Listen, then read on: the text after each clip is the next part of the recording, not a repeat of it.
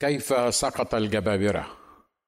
انتهيت في مقالي السابق كيف سقط الجبابرة واحد إلى سرد بعض الحقائق التي لا مفر من معرفتها وفقا لما جاء في نشيد القوس.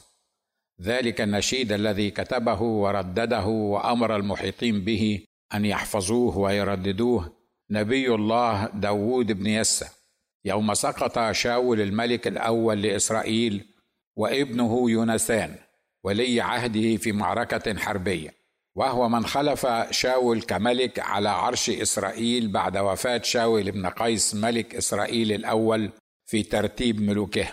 أما هذه الحقائق فهي راجع مقال كيف سقط الجبابرة واحد بعدد فبراير 2021 واحد الدرس الأول الذي تعلمته من نشيد القوس أن الجبار الساقط هو جبار بالرغم من سقوطه. وسيظل جبارا إلى الأبد في فكر القدير تبارك اسمه. نعم سيظل جبارا حتى ولو سقط في حرب مادية أو معركة أخلاقية أو حتى روحية.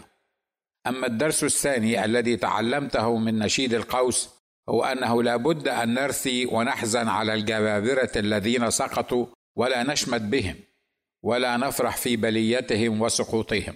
ثلاثة الدرس الثالث الذي يمكن أن يتعلمه الإنسان من نشيد القوس هو أن لا ينبش أحدنا في تاريخ الأبطال الذين سقطوا بهدف التقليل من شأنهم وخدمتهم وإنجازاتهم.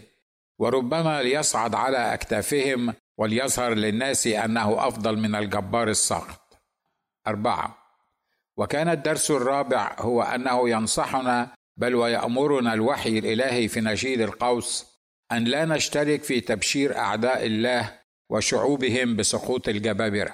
ولعله من الأهمية بمكان أن نعرف أن السقوط لا يأتي بغتة ولا يبدأ فجأة بسقوط لحظي. فالسقوط الأخلاقي يشبه إلى حد كبير سقوط بيت كبير بسبب حشرة صغيرة تعرف في البلاد التي تبني بيوتها من الخشب بحشرة الترمايت. تلك التي نطلق عليها في مصر النمل الأبيض وهو نوع من النمل يعيش ويتغذى على الخشب بعيدا عن الأنظار ويبدأ في التهام الخشب من أسفل رويدا رويدا عشرات السنين حتى يصبح من العسير والمستحيل أن يصلح شأن الخشب المتآكل ويصبح الحل الوحيد هو إزالة البيت كله وإذا لم يقم أصحابه بهدمه بإرادتهم فسينهار عليهم في لحظة وطرفة عين.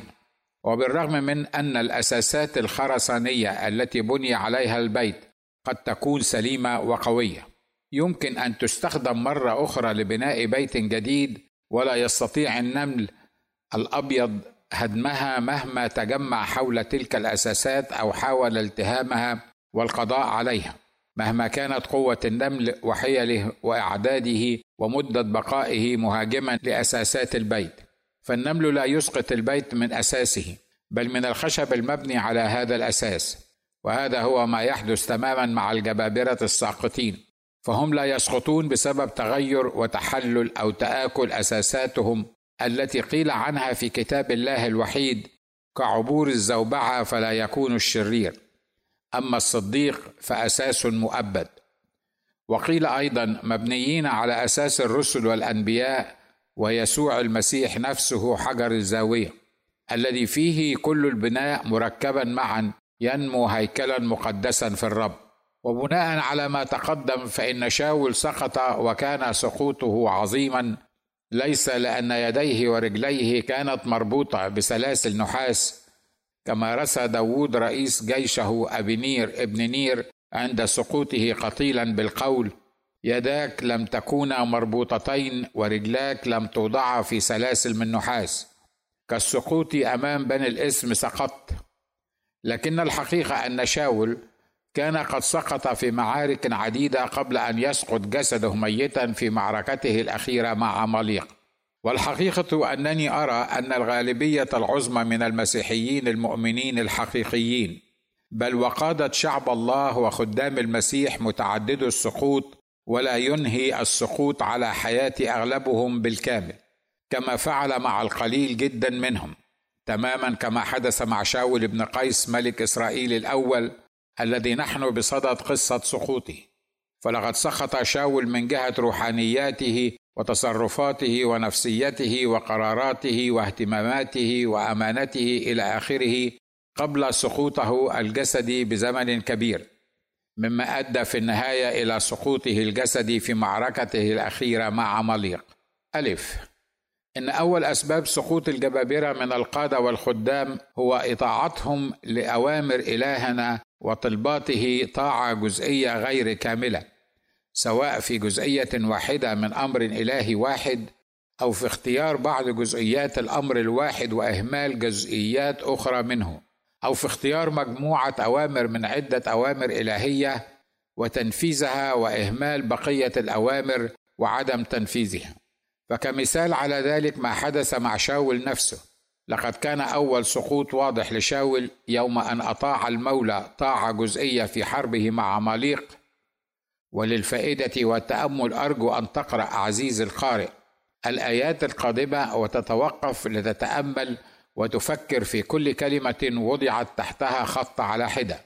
لقد قال المولى لشاول عن طريق نبيه صمويل اذهب واضرب عماليق وحرموا كل ما له ولا تعف عنهم بل اقتل رجلا وامرأة طفلا ورضيعا بقرا وغنما جمالا وحمارا.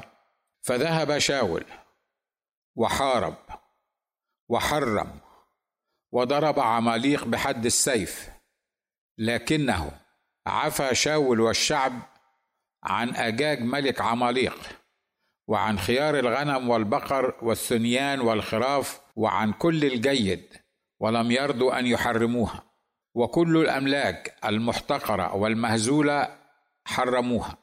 فكان كلام الرب إلى صمويل قائلا ندمت على أني قد جعلت شاول ملكا لأنه رجع من ورائي ولم يقم كلامي. وهنا نرى أن كلام من لا مغير لكلماته وأوامر من لا رادا لأوامره. الفعال لما يريد. كلامه لشاول اذهب. فذهب شاول. اضرب عماليق. فضرب شاول وحارب عماليق. وحرموا أنت وشعبك. فحرم شاول وضرب عماليق بحد السيف. ولا تعفو. فعفى شاول والشعب عن أجاج ملك عماليق وعن خيار الغنم والبقر والثنيان والخراف وعن كل الجيد ولم يرضوا أن يحرموها. وكل الأملاك المحتقرة والمهزولة حرموها. فلم يطع شاول وشعبه الله طاعة كاملة. بل طاعة جزئية مما جعل صمويل النبي يقول لشاول هل مسرة الرب بالمحرقات والذبائح كما باستماع صوت الرب؟ هوذا الاستماع أفضل من الذبيحة والإصغاء أفضل من شحم الكباش لأن التمرد كخطية العرافة والعناد كالوسن والترافيم لأنك رفضت كلام الرب رفضك من الملك. وما أكثر الطاعة الجزئية التي نقدمها ونطيع بها الرب وخاصة الجبابرة من الخدام منا. ونظن أن لا عقاب لها عند القدير مع أن عقابها هو رفض الرب لنا ولخدمتنا من أساسها وسقوطنا كجبابرة الخدمة أمام أعدائنا الجسديين والروحيين. ألم يوصي القدير أم شمشون الجبار حين بشرها بميلاده قائلا ها أنت عاقر لم تلدي ولكنك تحبلين وتلدين ابنا. والآن فاحذري ولا تشربي خمرا ولا مسكرا ولا تأكلي شيئا نجسا. فها أنت تحبلين وتلدين ابنا ولا يعلو موسى رأسه لأن الصبي يكون نذيرا لله من البطن وهو يبدأ يخلص إسرائيل من يد الفلسطينيين. فأطاعته المرأة طاعة كاملة. وتحقق معها كل ما وعدها به الله بحرفيته لكن ابنها بالرغم من أنه كان جبارا وخلص إسرائيل من سطوة الفلسطينيين لسنين عديدة إلا أنه في نهاية أيامه كسر وصية المولى وعلى الموسى رأسه وقص الحلاق سبع خصل شعره مخالفا بذلك أمر واحد من أوامر القدير. ألم يأمر الله كل من يملك على إسرائيل أن لا يكسر له الخيل ولا يكثر له نساء لئلا يزيغ قلبه وفضة وذهبا لا يكثر له كثيرا؟ فعصى سليمان الملك أحكم من عاش وسيعيش على وجه الأرض. عصى ربه وأكثر من الثلاثة أشياء التي حذره المولى تبارك اسمه من الإكثار منها فأكثر من الخيل. حتى كان مخرج الخيل التي لسليمان من مصر. وأكثر من الذهب وجعل الملك الفضة والذهب في أورشليم مثل الحجارة. وأكثر من النساء. وأحب الملك سليمان نساء غريبة كثيرة مع بنت فرعون. مؤابيات وعمونيات وأدوبيات وصيدونيات وحثيات من الأمم الذين قال عنهم الرب لبني إسرائيل لا تدخلون إليهم وهم لا يدخلون إليكم لأنهم يميلون قلوبكم وراء آلهتهم. فالتصق سليمان بهؤلاء بالمحبة. وكانت له سبعمائة من النساء السيدات وثلاثمائة من السراري فأمالت نساؤه قلبه وكان في زمان شيخوخة سليمان أن نساءه أملن قلبه وراء آلهة أخرى ولم يكن قلبه كاملا مع الرب إلهه كقلب داود أبيه. فذهب سليمان وراء عشتاروث إلهة الصيدونيين وملكوم رجس العمونيين وعمل سليمان الشر في عيني الرب ولم يتبع الرب تماما كداود أبيه فإلى نفسي وكل خدام القدير وأولاده وبناته. تذكري يا نفسي أن الطاعة الجزئية تحسب عند القدير تمردا وعصيانا. فليست مسرة الرب بالمحرقات والذبائح وتفانينا في خدمتنا له وعملنا لأجله كما باستماع صوت الرب فهو ذا الاستماع أفضل من الذبيحة والإصغاء أفضل من شحم الكباش لأن التمرد أي الطاعة الجزئية كخطية العرافة والعناد كالوسن والترافيم وتحسب رفضا لكلام الرب وتؤدي إلى رفض الخادم من الملك. اثنين اما ثاني الأمور التي تؤدي إلى سقوط الجبابرة من الخدام؟ وقد كان من الواضح أنه تسبب في سقوط شاول أيضا بالرغم من أنه لا يظهر بوضوح لأعين المحيطين بالجبار بل يحدث بينه وبين نفسه بعيدا عن عيون الناس هو في معركة مقارنة نفسه بالآخرين والغيظ والحقد من نجاحهم والكراهية لهم ومحاولة قتل وتشويه سمعة وإقصاء الزملاء من الخدام المحاربين من المشهد. فعندما قتل داوود الولد الصغير جوليات الفلسطيني بحجر واحد من مخلاعه أنه كان عند مجيئهم أي مجيء شاول وجيشه إلى بيوتهم حين رجع داود من قتل الفلسطيني أن النساء خرجت من جميع مدن إسرائيل بالغناء والرقص للقاء شاول الملك بدفوف وبفرح وبمثلثات فأجابت النساء اللاعبات وقلن ضرب شاول ألوفه وداود ربواته فاحتمى شاول جدا وساء هذا الكلام في عينيه وقال أعطينا داود ربوات وأما أنا فأعطينني الألوف. وبعد فقط تبقى له المملكة. فكان شاول يعاين داود من ذلك اليوم فصاعدا ليقتله. ثلاثة أحد أخطر الأمور التي تؤدي إلى سقوط الجبابرة من القسوس والخدام والمرنمين هو غياب الكبير في حياتهم وانفرادهم بأنفسهم بعيدا عن بقية رجال الله الأمناء والخدام والمشيرين الناضجين الدارسين وفوق الكل الروحيين. الذين عادة ما يضعهم الله العليم بكل شيء في طريقهم وحولهم. ولتأكيد ما أقول سأسوق لك عزيزي القارئ مثالين. أحدهما خاص بي والآخر خاص بأحد خدام القدير المشاهير. لا على مستوى مصر وحدها بل على مستوى العالم العربي أجمع. أما المثال الخاص بي شخصيا فهو في علاقتي بخصوص الكنيسة الأمريكية التي أستخدم إحدى قاعاتها لعقد اجتماعاتنا بمدينة الكهون بسان دييغو كاليفورنيا. فأنا بالنسبة لكنيستي التي أشكر الله لأنه شرفني بالخدمة فيها هو القس المسؤول الوحيد عن الكنيسة أو بالتعبير الأمريكي ال senior pastor في كنيستي التي نتكلم ونعظ فيها باللغة العربية للجالية الشرق أوسطية في سان دييغو. منذ سنين وجدت نفسي بلا كبير. وبلا مراجع أو محاسب أو مراقب لكل ما أعمل في خدمتي في مجالاتها الكثيرة في أمريكا وخارجها. عندئذ قررت أن أعمل شيئين. أولهما أن ألزم نفسي بالرغم من ضيق وقتي. أن أغلق عيادتي الخاصة لمدة ساعتين كل شهر وأذهب لاجتماع شركة روحية مع مجموعة من الخدام والقصوص والمسؤولين عن العديد من الكنائس في سان دييغو كبيرها وصغيرها. في هذا الاجتماع يحكي كل منا ضعفاته واحتياجاته وتطلعاته أمام الخصوص الآخرين وتلقى النصح والإرشاد والتعضيد الروحي والمعنوي منهم. والأمر الثاني الذي عملته بهذا الخصوص هو أنني ذهبت لصديقي القسيسين الأمريكيين واللذين قاما مشكورين باعطائي مكانا في كنيستهم لأجتمع فيه مع كنيستي. وقلت لهما أخواي العزيزان أنا أحتاج أن أكون قسا خادما معكما في مجلس إدارة كنيستكما المتحدثة بالانجليزيه وأن أكون تحت مراقبتكم وملاحظتكم. في البداية لم يفهم القس كبيرهما طلبي وسألني متعجبا. ناجي أنت القس الأساسي في كنيستك مثلي مثلك. أنت لا تحتاج أن تكون ضمن القصوص الخادمين بكنيستنا. قل لي ماذا سيضيف لك كقس وخادم أساسي لكنيستك المتحدثة بالعربية حتى تطلب أن تكون تحت إشرافنا؟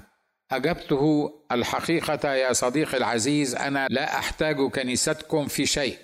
فلن أتدخل أنا في شؤون كنيستكم الأمريكية وأعلم أنكم لن تتدخلوا في شؤون كنيستي المتحدثة بالعربية. قال اذا فلماذا طلبك هذا؟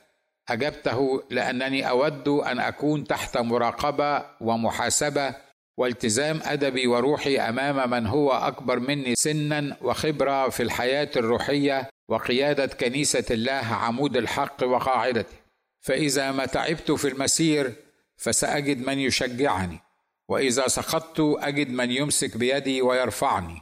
وإن ضللت تعليميا أجد من هو دارس لكلمة الله فيرد نفسي يهديني إلى سبل البر. ولعل سائل يسأل أليس هذا الذي ذكرته وتحتاجه هو دور الروح القدس الذي يسير معنا؟ أقول نعم. لكن ألا يستخدم الروح القدس أحدنا ليرشد ويعلم ويقوي الآخر؟ ألم يقل الكتاب أن الحديد يحدد بالحديد والرجل يحدد وجه صاحبه. ألم يرسل المسيح خدامه اثنين اثنين ليتمموا الإرسالية العظمى؟ أما المثال الثاني الذي حدث مع أحد الخدام الأفاضل والمستخدمين بقوة من الله. كنا يومها ما زلنا في عدايه الشباب. كان هذا الخادم كاهنا تحت سلطان الرئاسات الطائفية الكهنوتية. استطاع أخي الكاهن أن يحصل من مباحث أمن دولة مبارك على موافقة بإقامة ثلاث ليالي من الاجتماعات الروحية في أكبر قاعة حكومية بمصر يومئذ. تلك الاجتماعات التي حضرها أكثر من ثلاثة آلاف شخص في الليلة الواحدة. بالإضافة إلى المئات وربما الآلاف التي لم تتمكن من إيجاد مكان لها بداخل القاعة. تلك الاجتماعات التي لم يكن في استطاعة أحد حتى أن يفكر في أن يقيمها في مصر في تلك الأيام وخاصة في أماكن حكومية مملوكة للحكومة المصرية. عندما وصلتني الدعوة الخاصة بهذه الاجتماعات وكنت بصحبة عدد من الإخوة نتجاذب أطراف الحديث شعرت بداخلي بأن الموافقة من قبل الدولة لهذا الكاهن العزيز لاستخدام هذه القاعة بالذات ما هي إلا فخ نصب له للإيقاع بينه وبين رئاسة طائفته لشلحه منها. كنت أنا وقتها كثير التردد على مكاتب أمن الدولة وقد أصبح لي من الخبرة القليلة لكن الكافية أن تعلمني وتعرفني حيل وتخطيط العاملين بها والمسؤولين عن شؤون الكنائس يومئذ. لذا قلت للمحيطين بي في الحال أؤكد لكم أن قرار شلح هذا الراهب سيصدر في اليوم التالي لآخر اجتماع سيعقد في هذا المكان. وقد حدث تماما كما توقعت. بعد عدة سنوات قام الأخ العزيز الراهب بزيارتنا في كنيستنا بكاليفورنيا. روى لنا عزيزنا اختبار إكرام الله له بأن منحه تصريحا من مباحث أمن الدولة شخصيا باستخدام تلك القاعة والتي لم يستخدمها أحد من قبله وكيف أن الله راض ومباركا لخدمته الروحية حتى جعل الآلاف يحضرون الثلاثة اجتماعات التي أقامها هناك. سألته كيف حصلت على هذا التصريح؟ قال قدمنا طلبا لمباحث أمن شؤون الكنائس للموافقة لنا على استخدام تلك القاعة فوافقوا فاستخدمناها. قلت له من المؤكد حيث أنه صدر قرار شلحك في اليوم التالي لعقد هذه الاجتماعات أنك لم تحصل على الطلب الرسمي هذا من طائفتك لتقديمه لمباحث شؤون الكنائس. قال بالطبع لا. قلت إذا فما الجهة التي أعطتك خطاب الالتماس بتأجير القاعة من الحكومة المصرية؟ ذكر لي جمعية شؤون اجتماعية تابعة لكنيسة إنجيلية. قلت له عندي سؤال أخير لك. هل هناك مجلس لإدارة حركتكم الروحية في مصر وخارجها؟ في البداية قال نعم. قلت وهل هناك في مجلس إدارة الحركة من هو أكبر منك سنا؟ وربما لديه من الخبرة في التعامل مع مباحث أمن الدولة أكثر منك. فهم صديقي سؤالي فغضب وقال لي لا أنا أكبر واحد في خدمتنا وأنا المسؤول عنها. قلت اذا فأنت تحتاج إلى مشير يكون أكبر منك سنا وخبرة وهذا ليس عيبا ولا حراما. توتر الجو حولنا وبدأ الحضور يقولون كيف تتكلم مع أبينا بهذا الشكل؟ هو ضيفنا ولا يصح أن نعامله بهذه الطريقة. حاولت أن أفهم الحضور لهذه الواقعة أنني أكن له كل احترام ولم أخطئ معه لا في مضمون الكلام ولا في طريقة التعبير عنه حيث أنني كنت أتكلم إليه بكل احترام وبساطة لفائدته ومصلحته. فأنا فقط أقدم له نصيحة غالية كأخ له في المسيح. فليس هناك من هو أكبر من أن يستفيد من نصائح الآخرين ولا بد أن يكون لنا كخدام وملوك وكهنة من هو قادر على ملاحظة تصرفاتنا وخدماتنا وأفكارنا مهما وصلنا من العمر والخبرة والشهرة والتأثير على الآخرين.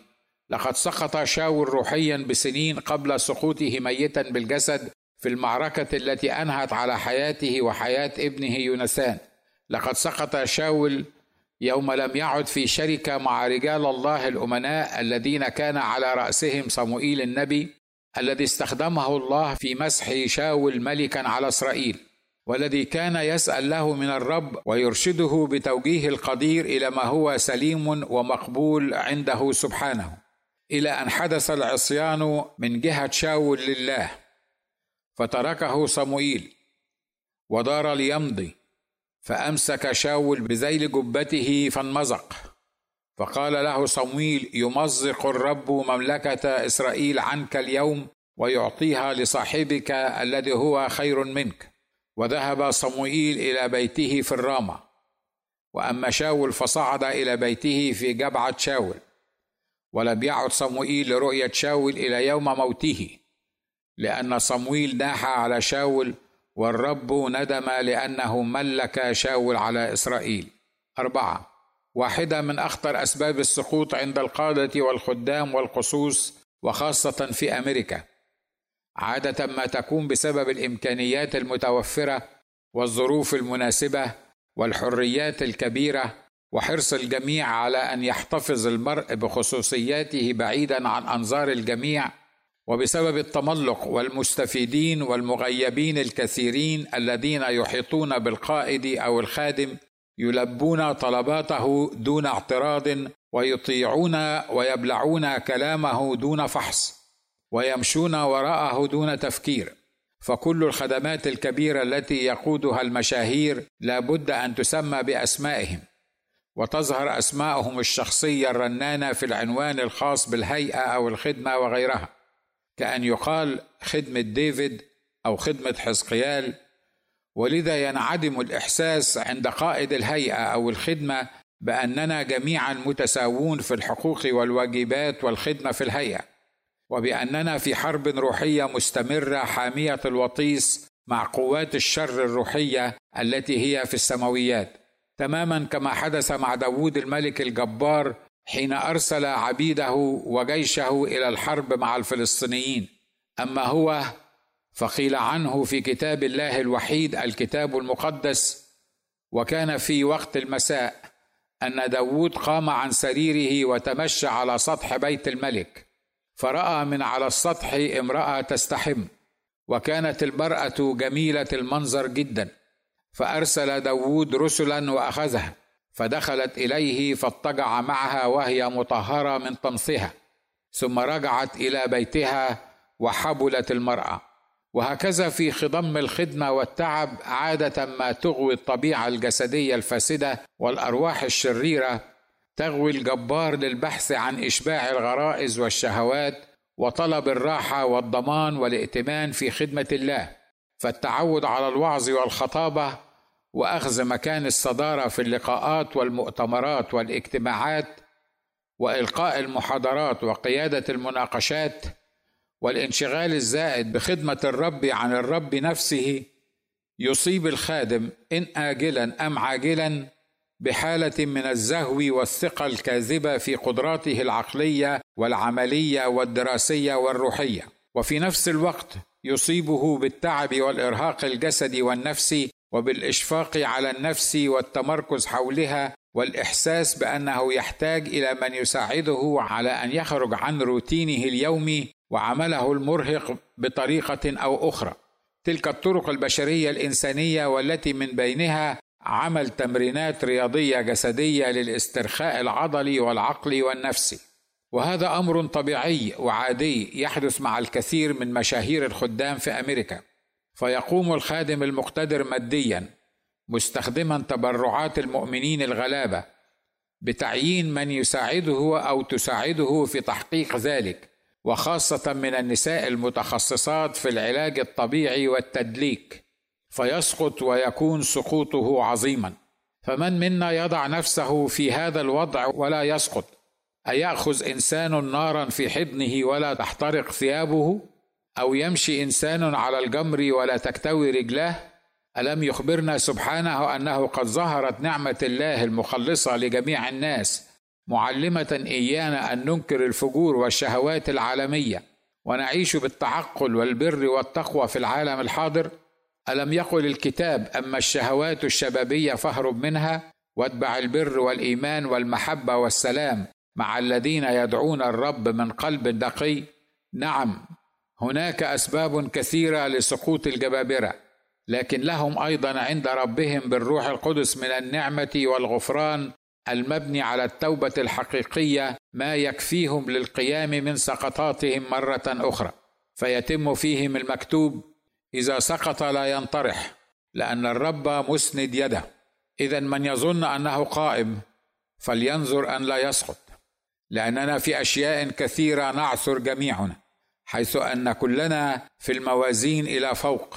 أقول هذا مع تاكيدي على أن السقوط هو سقوط مهما كانت مسبباته وأشكاله ولا يستطيع أن يقوم منه الجبار إلا إذا صلى طالبا من الله القيام مرة أخرى واتخذ الإجراءات الإحترازية الكاملة ضد السقوط بكل جدية وفهم ورفض لأسباب السقوط وأعطى الروح القدس الفرصة والإمكانية. أن يحفظه ويملأه ويقوده إذا كان ما زال حيا يرزق.